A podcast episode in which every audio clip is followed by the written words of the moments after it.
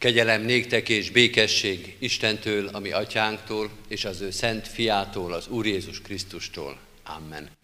Óévi Isten tiszteletünket a 89. Zsoltárunkkal kezdjük el.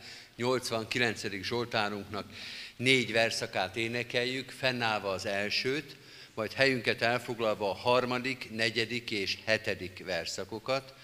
Első, harmadik, negyedik és hetedik verszakokat az első így kezdődik, az Úrnak irgalmát örökké éneklem.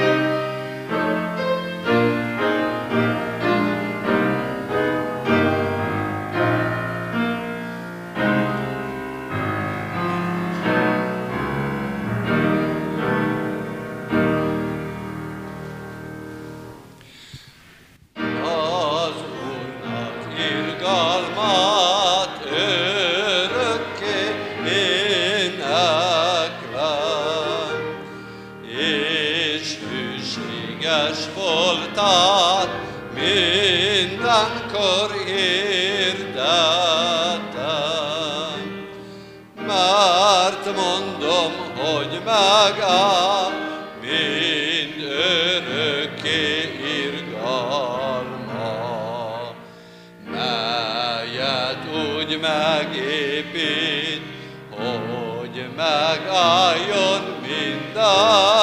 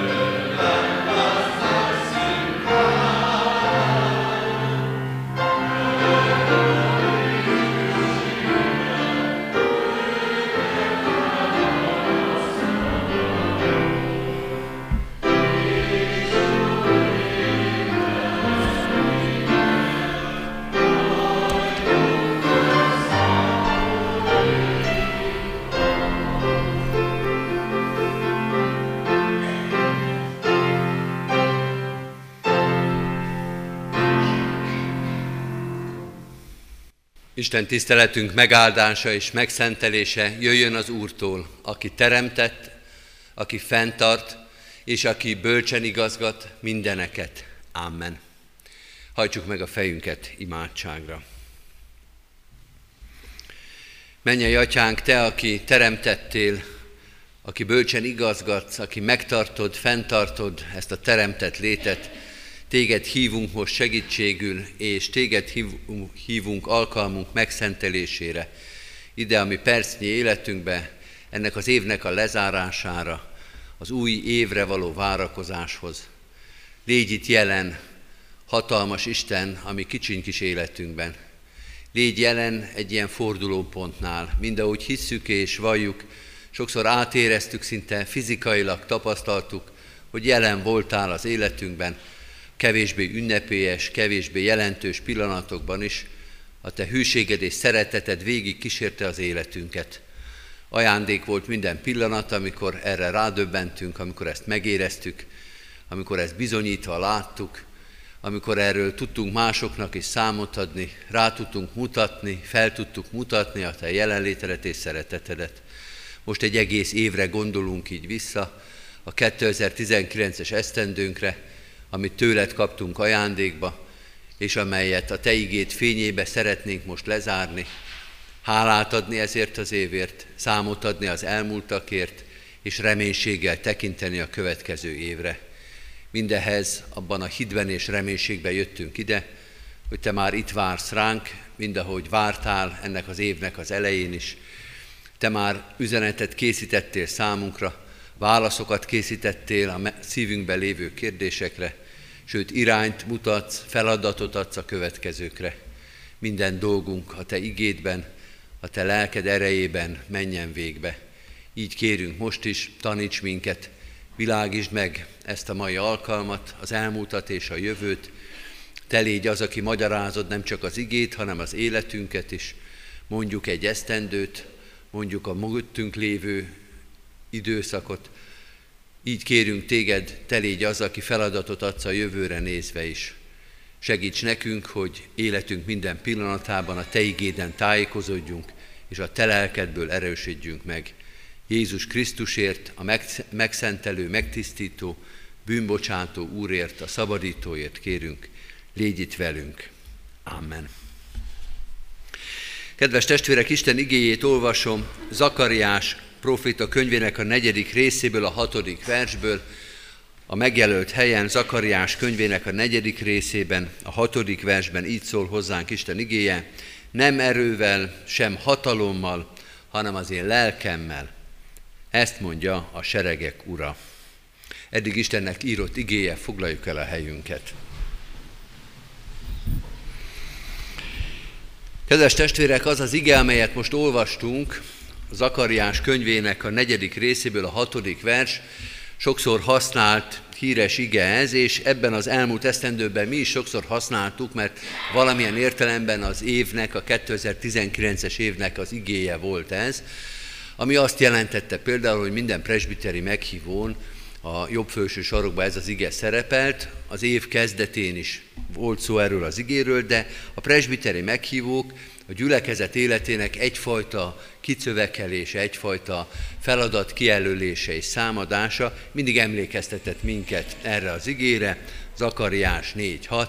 Ez volt az az ige, amely vezette a gyülekezet testületének, irányító testületének a munkáját is, fegyelmezte is, irányt és reménységet is adott a presbiteri gyűlésen megjelenő ige. Amikor visszaemlékszünk erre az igére, a presbiteri gyűléseken keresztül is, de hát egyébként is egy fontos és híres ige, eszünkbe juthat ennek egy e, párja, egy iker igéje, ha van ilyen kategória, az új szövetségben, a római levél 9. részében, a 16. vers szintén ugyanilyen híres, és egy ugyanilyen szerkesztésű ige, nem azé, aki akarja, sem nem azé, aki fut, hanem a könyörülő Istené a mondatnak a struktúrája és a jellege is nagyon hasonlít. Mind a kettő nagyon erős ige, mind a kettő nagyon kifejező, pedig mind a kettő tulajdonképpen csonka mondat, mert nem mondja meg, hogy tulajdonképpen miről is beszél, ha most már visszatérek az akariás igéhez, nem erővel sem hatalommal, hanem azért lelkemmel, mondja a seregek ura, de mit? De mire mondja azt, hogy nem erővel és nem hatalommal, hanem az ő lelkével? Még sincs az embernek hiányérzete, mert így nyelvtani értelemben is talán csonkán ez a mondat átütő és erős, és erőt adott a presbitériumunknak is az elmúlt évben. Talán azért nincs hiányérzete az embernek, mert azt érezzük ebben a mondatban, és a római levél társ mondatában is, vagy Iker igéjében is, hogy alapvetően nem egy konkrét kisebb dologról, hanem az Istenről magáról beszél ez az ige, és Istent és Istennek a létét és az életünkbe való megjelenését ismerhetjük meg ezzel a furcsán, érdekesen szerkesztett mondattal. Azt mondja a Zakariás ige, azt mondja a római levélben is az ige, hogy Isten másképpen működik. Másképpen, mint mi emberek. Mind ahogy mi a működést általában értjük. Az emberi élet, az emberi lét, az emberi rendszer az, hát egy kicsit olyan, mint egy sportverseny, ott erősnek kell lenni, eredményesnek kell lenni, erősebben kell küzdeni, ügyesebben kell a dolgokat végezni, gyorsabban, okosabban, ha kell ravaszabban, és mint a sportban mérik a teljesítményünket. Méterek vannak, meg másodpercek vannak, és ezek jellemzik az embernek a létét, és elég egyértelműek. Ha valaki 2 méter 10 centire tud fölugrani, az egy szép teljesítmény, de biztos, hogy kisebb, mint a 2 méter 20 centi. Ezen már nagyon nem lehet vitatkozni. Lehet azt mondani, hogy mind a kettő szép volt, lehet azt mondani, hogy én egyik magasságba se tudok felugrani, de a 2 méter 10 és a 2 méter 20 között nincs igazából vita téma, egyértelműek a dolgok.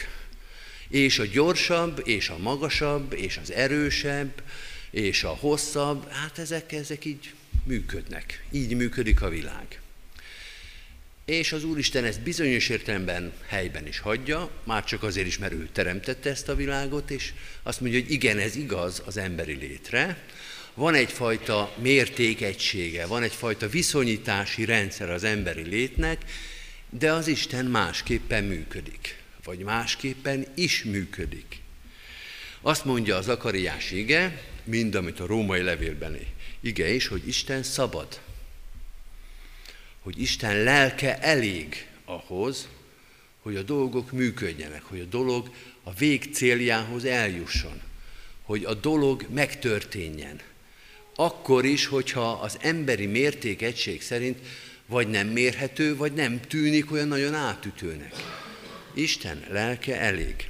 Isten tud erős lenni, és tud hatalmas lenni, ami emberileg is erősnek és hatalmasnak tűnik, mérhető, néha egészen elképesztően erős és hatalmas, de tud erőtlen is lenni, és tud alázatos is lenni. És ez a mértékegységen ugyan a másik irányba van, de Isten akkor is működik. Isten felül tudja írni az emberi létnek a törvényeit. Isten felül tudja írni a fizika törvényeit. Jézus a vizen jár. És ez nem működik az emberi rendszerben, de Istennél működik. Isten felülírja a biológia rendszerét. A négy napja sírban lévő Lázárt fel tudja támasztani. Minden orvos be tudná bizonyítani, hogy ez hogyan nem működik, és emberileg tényleg nem is működik. A négy nap az már akkor is és most is nagyon sok.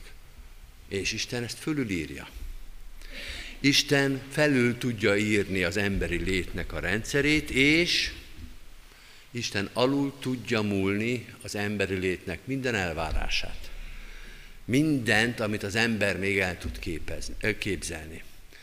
Péter is ezt mondja Jézusnak, mentsen Isten, ez nem történhetik meg veled. Azt nem tudom elképzelni, hogy az Isten egyszülött fia az meghalljon, hogy az életét veszítse, hogy veszítsen egyáltalán. Az nem történhet meg, hogy Isten egy bizonyos szint alá megy, de ahogy fölé tudott menni, úgy alá is tud menni. Ahogy Pál aztán később fogalmaz, az én erőm erőtlenség által végeztetik el, és itt nem csak az erőtlenségre kell odafigyelni, hanem az elvégeztetikre is, hogy nem vesztes lesz, elvégzi azt, amit el akart végezni, csak erőtlenség által ami a sportban és ami az emberi létben nem értelmezhető. A negatív centiméterek, a negatív idő, a minél kisebbet, minél alacsonyabban, minél lassabban, ezek emberileg nem mérhetőek, vagy nem értelmezhetőek. Isten pedig ebben is szabad, és felül tudja írni, és alul tudja múlni. Kedves testvérek, ez egy ószövetségige, amit olvasunk Zakariás könyvéből, de biztos mindannyiótoknak egy név megjelent már az agyában, ez Jézus Krisztusról szól. Jézus Krisztusban is megjelenik, hogy az ő ereje erőtlenség által, hogy a kereszten, hogy a kereszt halál által, hogy olyan, mintha a Zakariás ige, az előre megmutatná nem az eseményt, hanem annak a dinamikáját, amit Jézus Krisztus mutatott hogy nem erővel és nem hatalommal, hanem az ő lelkével. Jézus Krisztus lelkével. De kedves testvérek, ez az ige azért nem csak Krisztusról szól, ő rá is igaz, és ő benne is megláthatjuk ezt, hanem Istenről és mindenkiről, aki Istenhez kötötte az életét, aki Istenbe oltatott be, akiről, aki, azokról, akiknek Istenhez köze van. És így közelít hozzánk ez az ige egy évnek az utolsó napján, de meghatározhatta az egész gondolkodásunkat, hogy a keresztény ember, a keresztény gyülekezet, mondjuk a mi gyülekezetünk, de minden keresztény közösség ismeri a világban ezt a szabadságot, amiről Zakariás beszél. Ismeri és tudja értelmezni. Minden keresztény ember és minden keresztény közösség képviseli azt, hogy nem csak emberi rendszerek vannak ebben a világban.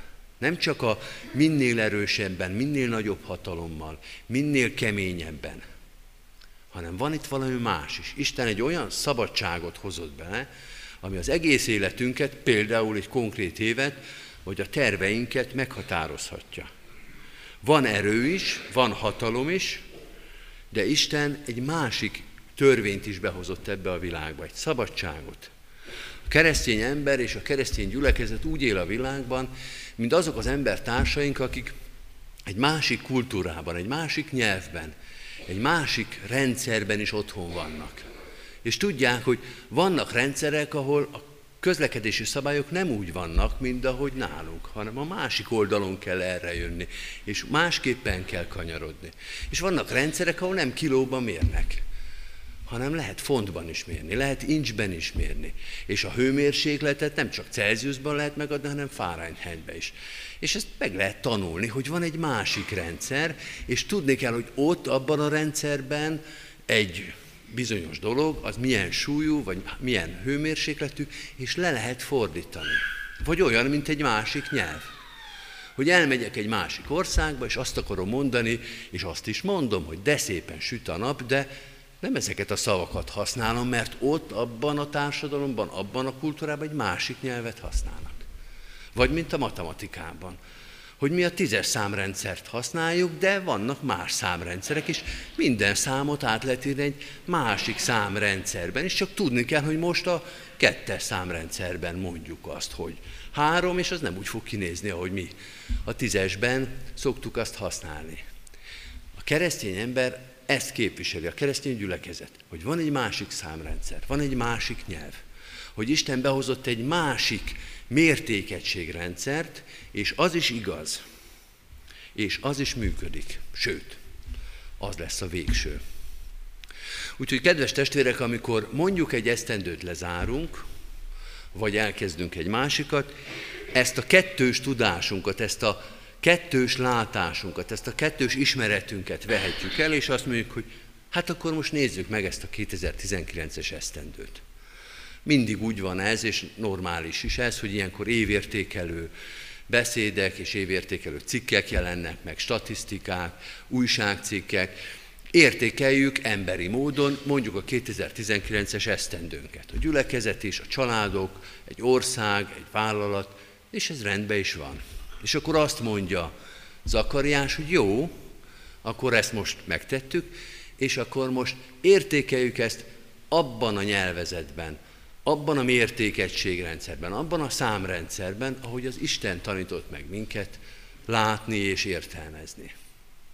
Hogy ne csak emberileg értékeljünk, ne csak emberileg gondoljunk végig, hanem gondoljuk végig. Vegyük elő a 2019-es naptárunkat, és nézzük meg az egyes eseményeket, az egyes történéseket.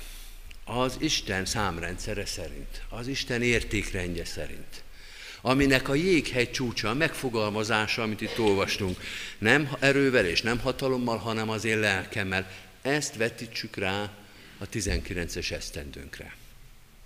De ha már elővettük a 19-es naptárunkat, akkor tegyük mellé a 2020-asat, és nézzük meg a terveinket, mert nyilván arra is igaz ez, hogy rá lehet vetíteni az Isten értékrendszerét, az Isten nyelvezetét, az Isten számait arra, amit tervezünk a 2020-as esztendőbe. Vannak emberi szintek, kilogramm, méter, forint, fő, a mi emberi egységeink, rendben van, de most akkor nézzük meg, hogy hogyan néz ki az előttünk álló 2020-as esztendő az Isten számrendszerébe. Úgy is jók a terveink? Úgy is értelmezhetőek? Úgy is van benne tervezés? Vagy csak olyan tervek vannak, amelyek emberileg értelmezhetőek, de valahogy az Isten számrendszerében nem jelenik meg ott semmi. Előfordulhat olyan tervezés, ami emberileg tulajdonképpen jó, de az Isten igéje szerint nem nagyon jelenik meg ott semmi a papíron. Vagy egy másik kérdés, hogy mi van akkor, hogyha a terveink emberileg jók, vállalhatóak, de az Isten számrendszerében olyan zavarosnak tűnik olyan értelmezhetetlen, olyan indokolatlan, hogyha a két nyelv, a két mértékegységrendszer között feszültség van, akkor mit csinálunk? Zakariás azt mondja, hogy akkor nyugodtan hagyjátok el azt, ami csak emberileg jó. Akkor nyugodtan mondjatok le arról, ami Isten igéje szerint valahogy nem tűnik indokoltnak, vagy nem tűnik meggyőzőnek, vagy nem írható le. Higgyétek el, nem fogtok veszíteni semmit. A végső szó, ahogy az Úristen a végén megszólal, ebben a nyelvben lesz, ebben a koordinátorrendszerben, ebben a nyelvezetben, ebben a mértékegység szerint csak az fog számítani, ami Isten igéje, Isten szabadságában leírható. Ha emberileg is leírható meg Isten szerint is, és az még egybe is esik, akkor örüljetek. Az egy jó tervezés, egy jó keresztény tervezés. Mond, még azt is mondhatjuk, hogy jó református tervezés, exakt, nem földhöz ragad, de reális, tehát az rendben van.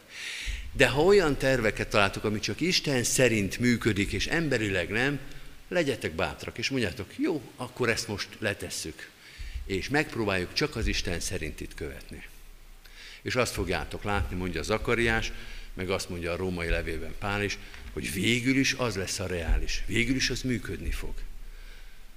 Bátor tervezésre, bátor vízióra, indít minket ez az ige, nem csak a 19-es esztendőnket mérhetjük le, hanem a 2020-as terveket is átszűrhetjük rajta, és azzal fejezi be Zakariás ebben az igében, hogy végül is az Úristen fog megszólalni, és ő fogja a végső eredményeket kihirdetni. Legyen bátorságunk egyénenként is, családunkban, közösségünkben, a gyülekezetünkben, egyházunkban, Isten mérőszámai, Isten számrendszere, Isten nyelvezete szerint értékelni és tervezni. Amen. A 274. dicséretünkkel válaszoljunk az ige hirdetésére. Egy verszakot énekeljünk, 274. dicséretünk első verszakát, ki Istenének átad mindent, bizalmát csak beléveti. csodaképpen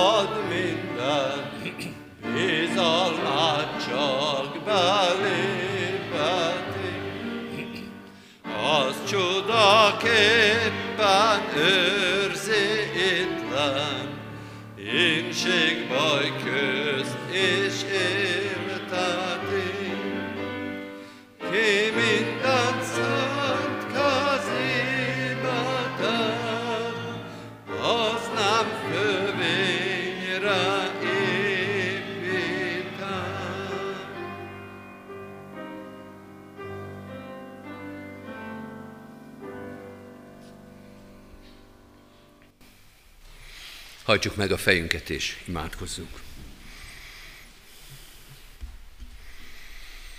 Mennyei atyánk, hálát adunk neked azért, azért a tapasztalatért, reménységért, bizonyosságért, hogy nem csak az van, amit mi létrehoztunk, amit mi igaznak látunk, amit mi meg tudunk állapítani, amit mi meg tudunk mérni, az is fontos, és abban is köszönjük, hogy sok mindent elvégezhetünk, de köszönjük, hogy e fölött az emberi valóság és igazság fölött ott van a te mérhetetlenül nagyobb és igazibb valóságod és igazságod, ami szabad minden emberi mértékegységtől, méréstől, minden emberi látástól és tapasztalástól.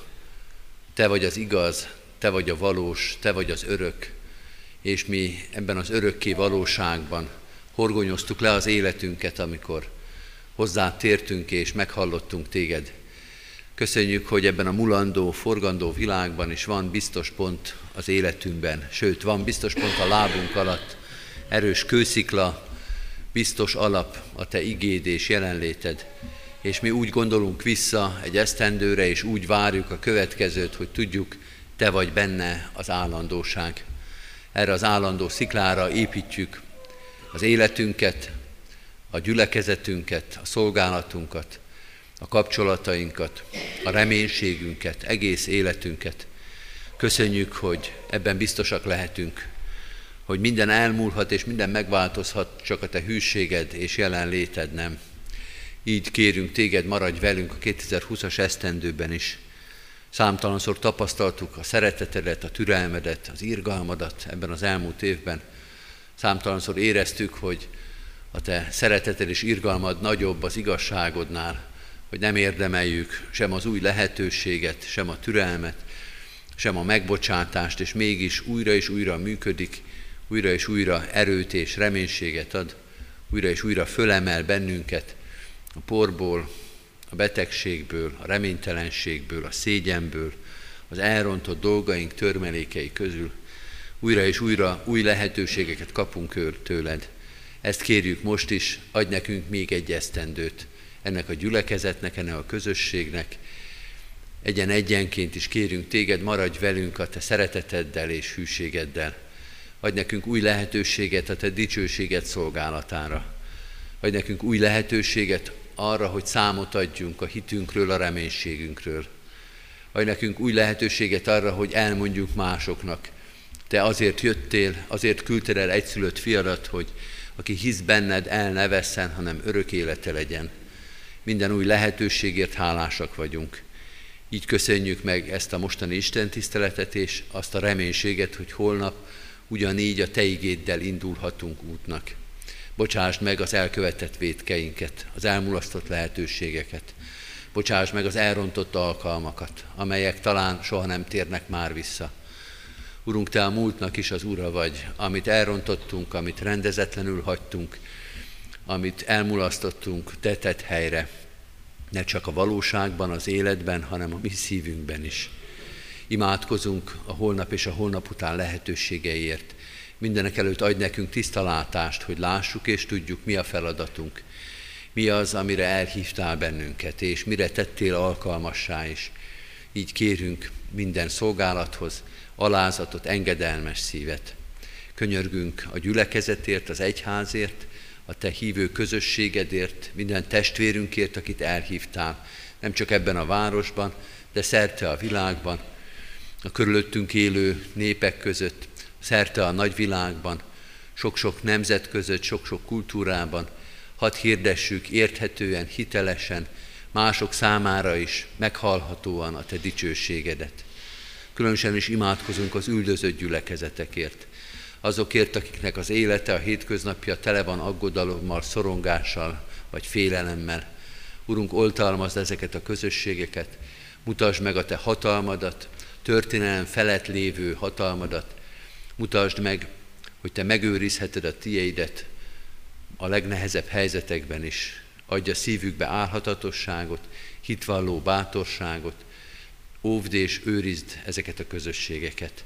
De ugyanígy imádkozunk azokért az egyházakért, gyülekezetekért, amelyek békességben és jólétben élnek, ad, hogy ezek a lehetőségek mind az evangélium hirdetésének elősegítésére szolgáljanak, hogy azokat a lehetőségeket, amelyeket mi is kaptunk, ki tudjuk aknázni, fel tudjuk használni szolgálataink elvégzésére.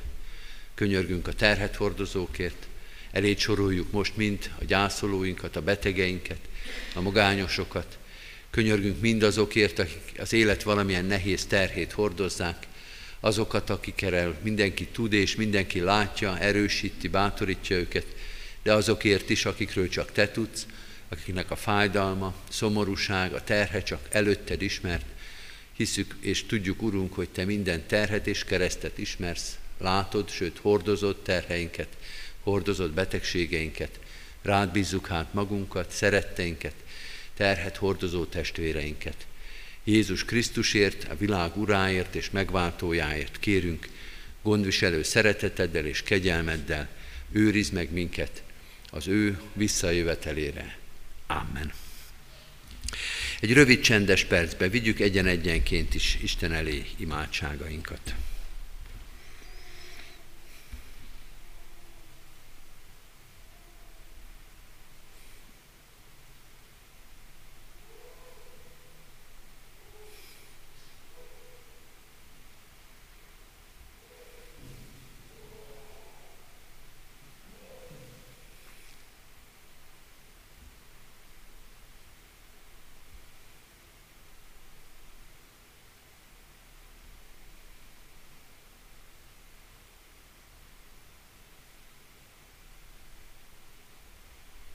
Amen.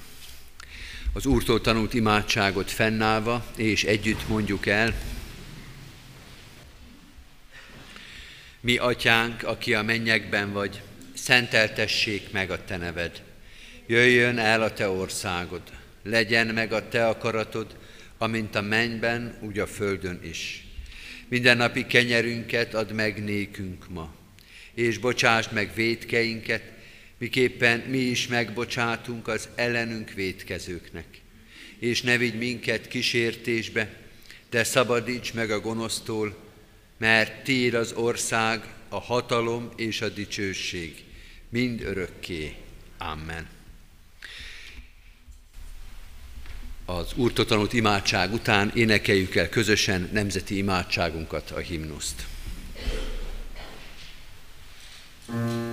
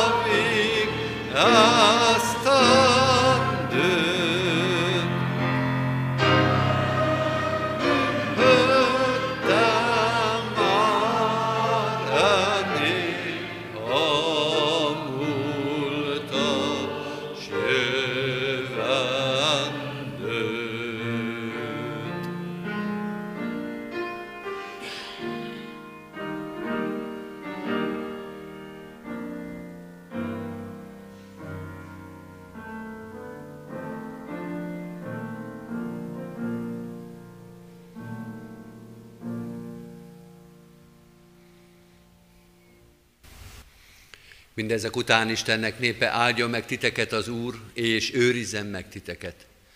Világosítsa meg az Úr az ő orcáját, ti rajtatok, és könyörüljön ti rajtatok. Fordítsa az Úr az ő orcáját, ti reátok, és adjon békességet néktek. Amen.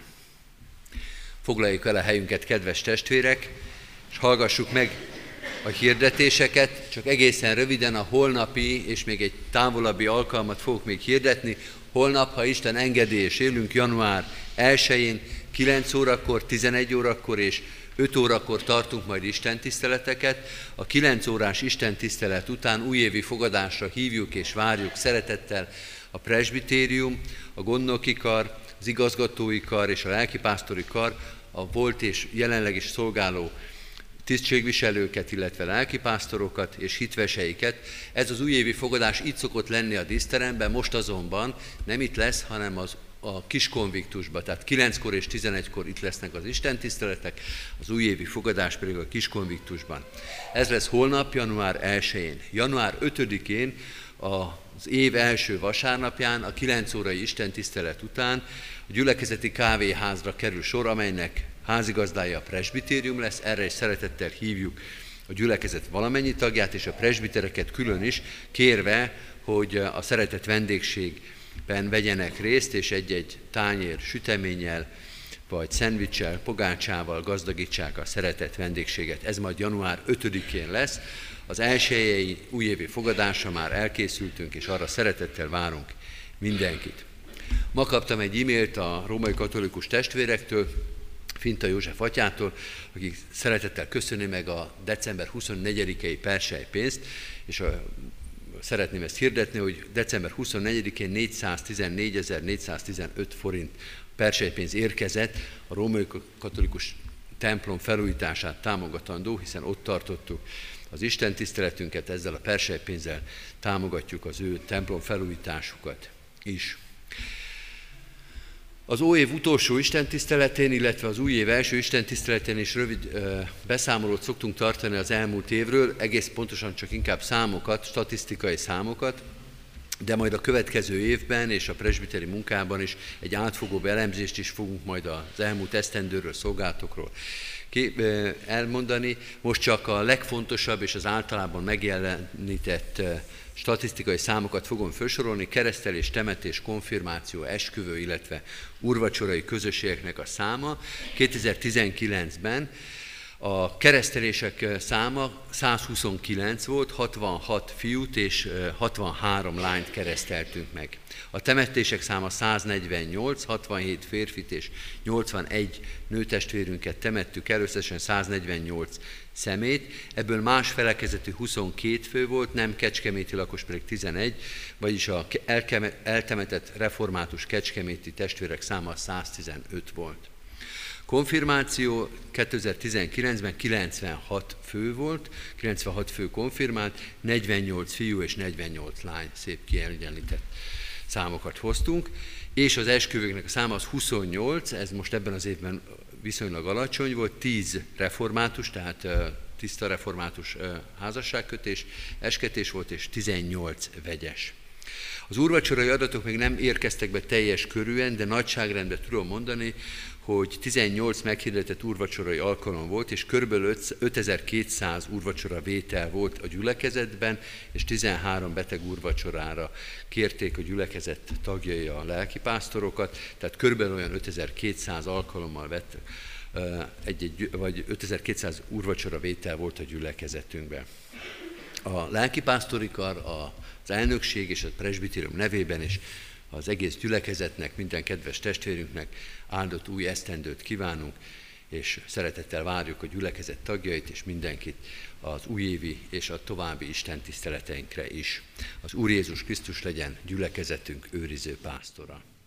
Az áró énekünket énekeljük, a 261. dicséretünket, 261. dicséretünknek mind a négy verszakát énekeljük el. Kegyelmes Istenkinek kezébe életemet adtam. thank you